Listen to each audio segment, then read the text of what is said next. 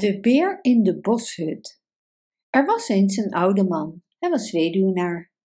Hij leefde samen met een oude vrouw. En zij was ook weduwe. Ze hadden elk een dochter uit hun eerste huwelijk.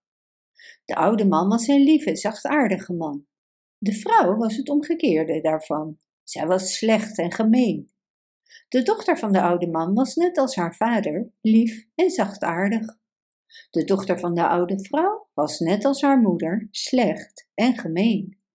De stiefmoeder haatte de dochter van de oude man, maar hield zielsveel van haar eigen dochter. Op een dag sloeg ze de stiefdochter het huis uit. Tegen de oude man zei ze: Die ellendige dochter van jou deugt nergens voor. Je moet haar achterlaten in het bos. Kom zonder haar terug. Doe je dat niet, dan zul je daar veel spijt van krijgen. De arme oude man gehoorzaamde zijn vrouw. Hij was doodsbang voor haar. Met pijn in zijn hart bracht hij zijn dochter naar het bos toe en liet haar daar alleen achter. De dochter zwierf lange tijd door het bos, tot ze een hutje zag. Ze klopte aan, maar niemand deed de deur open. Voorzichtig opende ze de deur.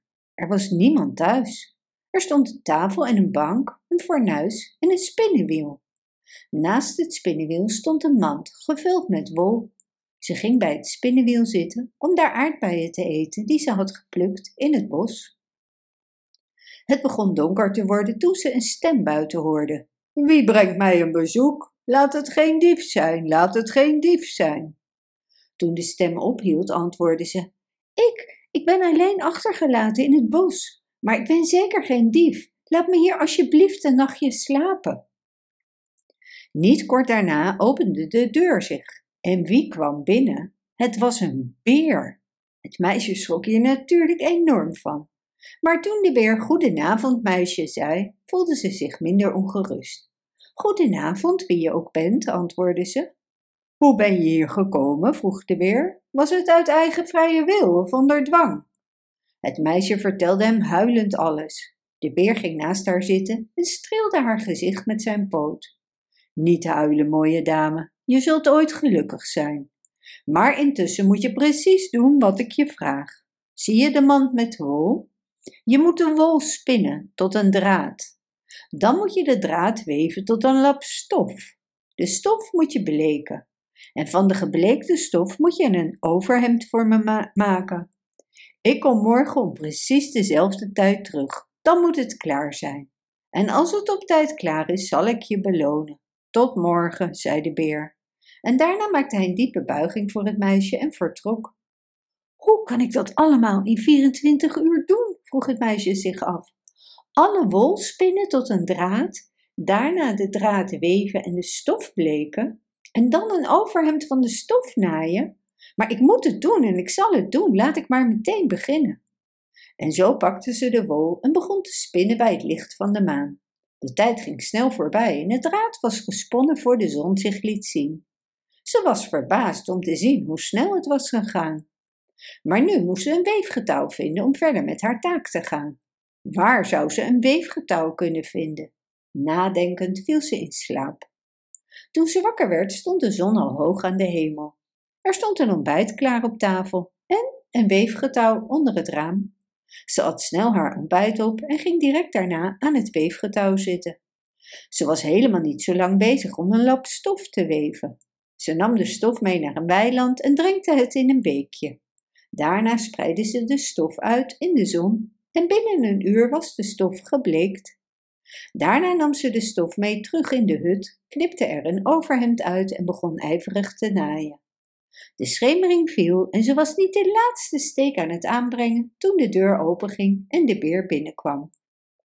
Is het overhemd klaar? vroeg de beer en ze gaf het hem. Dank je wel, zei de beer. Nu moet ik je belonen. Je zei dat je een slechte stiefmoeder hebt. Als je wilt, zal ik mijn beren sturen om haar en haar dochter in stukken te scheuren. Oh nee, doe dat alsjeblieft niet. Zo verheet wil ik niet zijn, antwoordde ze verschrikt. Goed dan, zei de beer. Maak wat pap voor me. Het is mijn avondeten. In de keuken zul je alles vinden wat je nodig hebt om het te maken. Ik zal in de tussentijd mijn beddengoed halen, want ik slaap vanavond thuis. De beer verliet de kamer en het meisje maakte het vuur in de oven aan en begon de pap klaar te maken. Op dat moment hoorde ze een geluid onder de, de bank.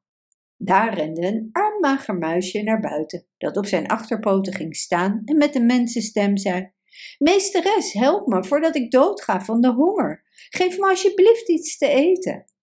Het meisje had medelijden met de muis en gaf hem een lepel pap. De muis at het op, bedankte haar en rende weg naar zijn hol. Al snel kwam de beer binnen met een lading hout en stenen. Deze legde hij op het fornuis. Hij at de pap op en ging op het fornuis bovenop het hout en de stenen liggen. Hij pakte een sleutelbos en gaf het aan het meisje.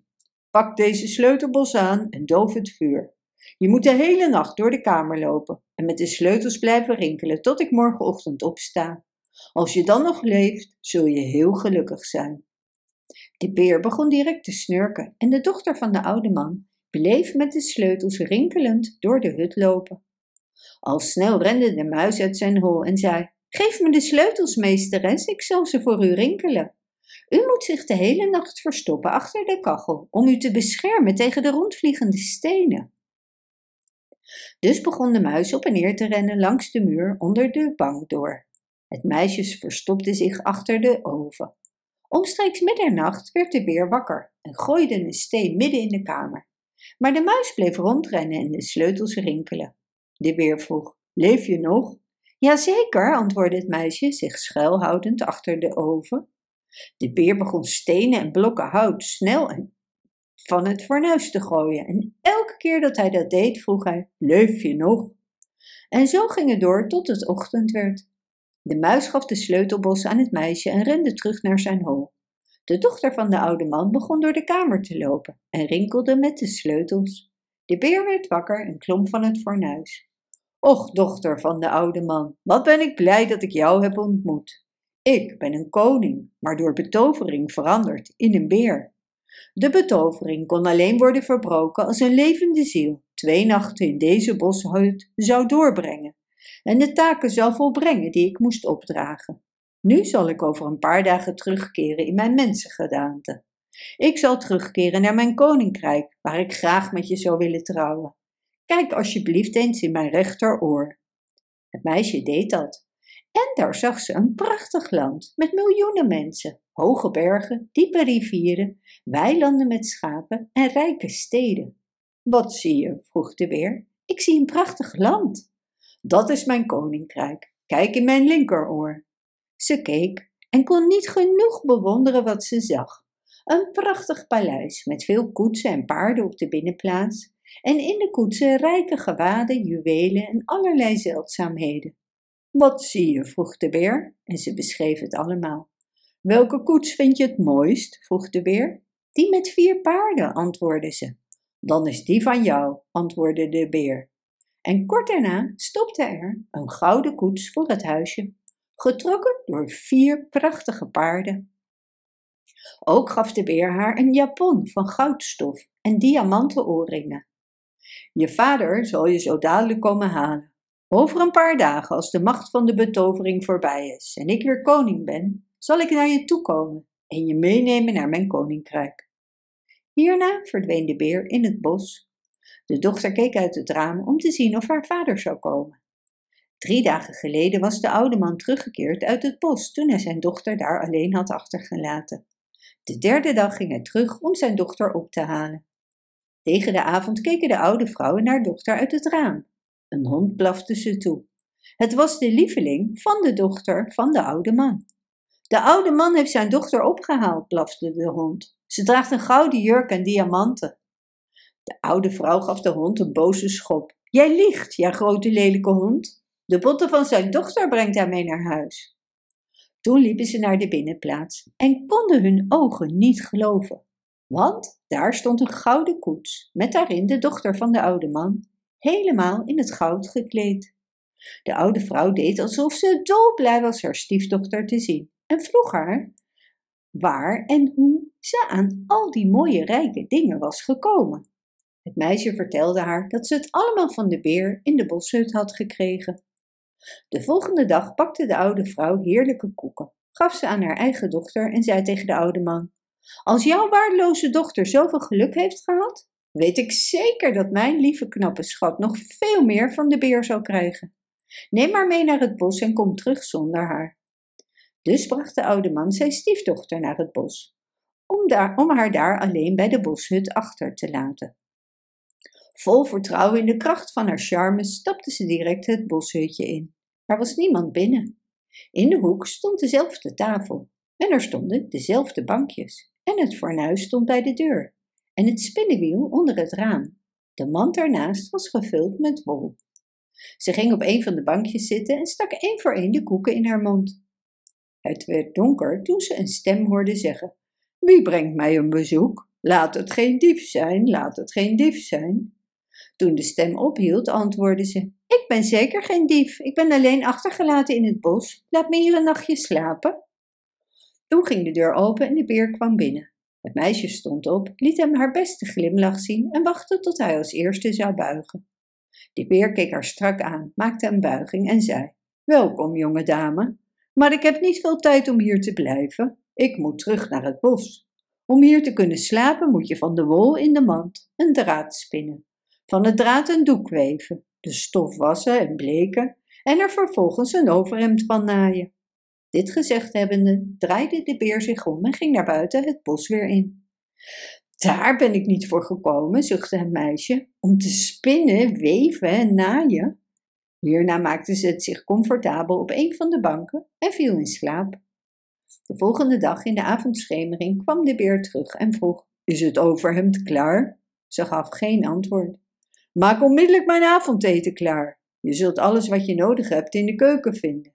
Ik moet mijn beddengoed gaan halen, want vannacht slaap ik thuis. De beer ging naar buiten en de dochter van de oude vrouw stak het vuur in de kachel aan en begon pap te maken. Toen kwam het muisje weer naar buiten, ging op zijn achterpoten staan en zei: Jonge dame, help me en geef me wat te eten, anders zal ik sterven van de honger.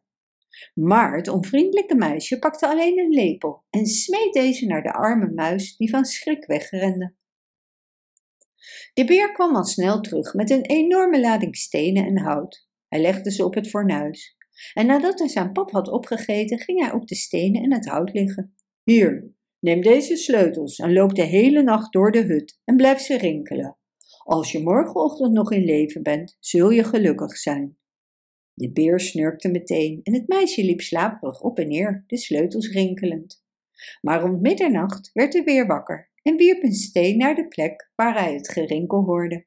Het raakte de dochter van de oude vrouw, waarop ze dood op de grond viel. De volgende ochtend werd de beer wakker en zag het dode meisje. Hij opende de deur van de boshut en stampte drie keer, drie keer hard op de drempel. Het donderde en bliksemde en in een oogwenk werd de beer een knappe, jonge koning. Er stopte een koets voor de deur en deze werd getrokken door zes paarden. De koning stapte in de koets en reed weg van het bos terug naar zijn koninkrijk. Op de derde dag vroeg de oude vrouw de oude man haar dochter op te halen. Ze is in die tussentijd ongetwijfeld getrouwd met een koning, wat inhoudt dat ik de moeder van hun koningin zal zijn. De oude man, gehoorzaam als altijd, ging daarna direct op weg. Toen de avond viel, staarde de oude vrouw uit het raam en de hond begon te blaffen. De oude man komt terug met niets meer dan de botten van je dochter, blafte de hond haar toe. Je bent een liegbeest, riep de oude vrouw. En ze rende het huis uit naar de binnenplaats om haar dochter te begroeten. Waar is mijn liefste dochter? vroeg ze de oude man. De oude man krabde zich op het hoofd en antwoordde: Ze heeft een ongeluk gehad. Ik heb hier alleen nog maar haar botten. Ze is waarschijnlijk opgegeten door wolven. De oude vrouw, gek van verdriet, pakte de botten om ze op een naburig kruispunt te begraven. Toen viel ze met haar gezicht op het graf en veranderde in steen. Ondertussen stopte een koninklijk rijtuig op de binnenplaats. De koning nam zowel de oude man als zijn dochter mee in het rijtuig en ze reden weg naar zijn koninkrijk, waar het huwelijk direct plaatsvond. De oude man leefde gelukkig in zijn laatste jaren als schoonvader van een koning en met zijn lieve dochter, die nu een prachtig en gelukkig leven had. Het leven van een koningin. Bedankt voor het luisteren. Wist je dat je dit verhaal ook op onze website ririro.com/nl kunt lezen, downloaden en printen?